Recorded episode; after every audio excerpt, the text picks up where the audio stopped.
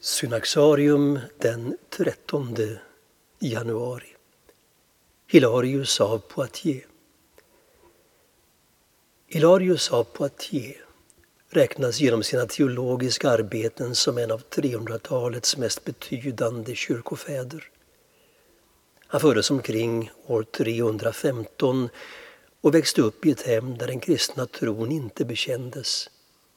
Mycket lite är känt om hans barndom men han måste ha varit en hängiven student eftersom han tidigt kom att utmärka sig som en ivrig sanningssökare.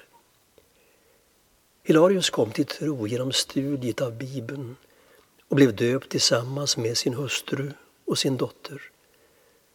Alla hans skrifter speglar en stor kännedom om Bibeln. År 353 blev han vald till biskop i Poitiers i Frankrike. Det var under den tid när brytningarna kring arianismen var som svårast. Hans motstånd mot denna lära ledde också till att han förvisades därifrån av kejsaren under perioden 356 till 359. I exilen i Frygien skrev han sitt mest inflytelserika verk, en bok om treenigheten, där han framförallt utlägger tron på Jesu gudom. Under sin vistelse i öst lärde han känna det mer nyanserade och djupsinniga teologiska tänkande som han mötte där. Något som präglade honom när han senare återvände.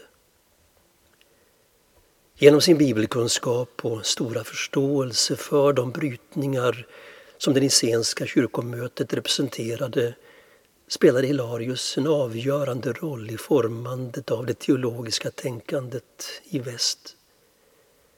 Mot slutet av sitt liv skrev han en finstämd kommentar till Saltaren inspirerad av bland andra Origenes, ett verk som han dock aldrig hann avsluta. Hilarius dog omkring år 367. Innan sin död uppmuntrade han Martin, den blivande biskopen i Tor att inom samma stift grunda ett kloster i Lyguier. Hilarius av Poitiers firas i Västkyrkan den 13 januari.